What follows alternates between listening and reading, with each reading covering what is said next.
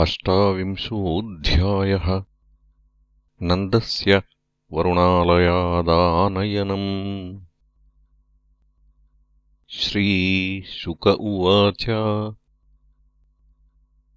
एकादश्याम् निराहारः समभ्यर्च्य जनार्दनम्। स्नातुम् नन्दस्तु कालिन्द्याः द्वादश्याम् जलमाविशतु। तम् गृहेत्वानयद्भृत्यो वरुणस्यासुरोऽन्तिकम् अविज्ञायासुरीम् वेलाम् प्रविष्टमुदकम् निशि। चुकृषुस्तमपश्यन्तः कृष्णरामेति गोपकाः भगवांस्तदुपश्रुत्य पितरम् वरुणाहृतम्। तदन्तिकम् गतो राजन् स्वानामभयदो विभुः। प्राप्तवीक्ष्यम् हृषीकेशम् लोकपालः सपर्यया।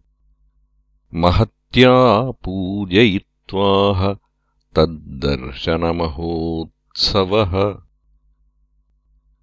वरुण उवाच अद्य मे निभृतो देहोऽद्यैवार्थोऽधिगतः प्रभो। त्वत्पादभाजो भगवन्नवापुः पारमध्वनः नमस्तुभ्यम् भगवते ब्रह्मणे परमात्मने। न यत्र श्रूयते मायालोकसृष्टिविकल्पना। अजानता मामकेन मूढेनाकार्यवेदिना आनीतोऽयम् तव पिता तद्भवान् क्षन्तुमर्हति ममाप्यनुग्रहम् कृष्ण कर्तुमर्हस्य शेषदृक्। गोविन्द नीयतामेष पिता ते पितृवत्सल। श्रीशुक उवाच। एवम् प्रसादितः कृष्णो भगवानीश्वरेश्वरः। आदायागात् स्वपितरम् बन्धूनाम् चावहन्मुदम्। नन्दस्त्वतीन्द्रियम् दृष्ट्वा लोकपालमहोदयम्।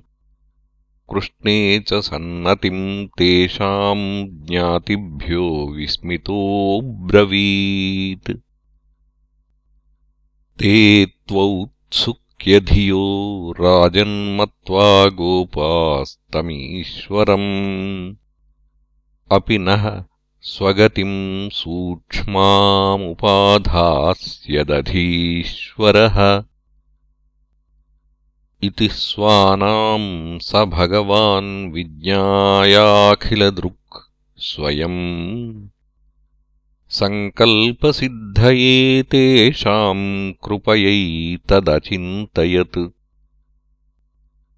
जनो वै लोक एतस्मिन्न विद्याकामकर्मभिः। उच्चावचासु गतिषु न वेद स्वाम् गतिम् भ्रमन्। इति सञ्चिन्त्य भगवान् महाकारुणिको हरिः। दर्शयामासलोकम् स्वम् गोपानाम् तमसः परम्। सत्यम् ज्ञानमनन्तम् यद्ब्रह्मज्योतिः सनातनम्। यद्धि पश्यन्ति मुनयो गुणापाये समाहिताः। ते तु ब्रह्मह्रदम् नीता मग्नाः कृष्णेन चोद्धृताः। ददृशुर्ब्रह्मणो लोकम् यत्राक्रूरोऽध्यगात्पुरा नन्दादयस्तु तम् दृष्ट्वा परमानन्दनिर्वृताः। कृष्णम् च तत्र छन्दोभिः स्तूयमानम् सुविस्मिताः।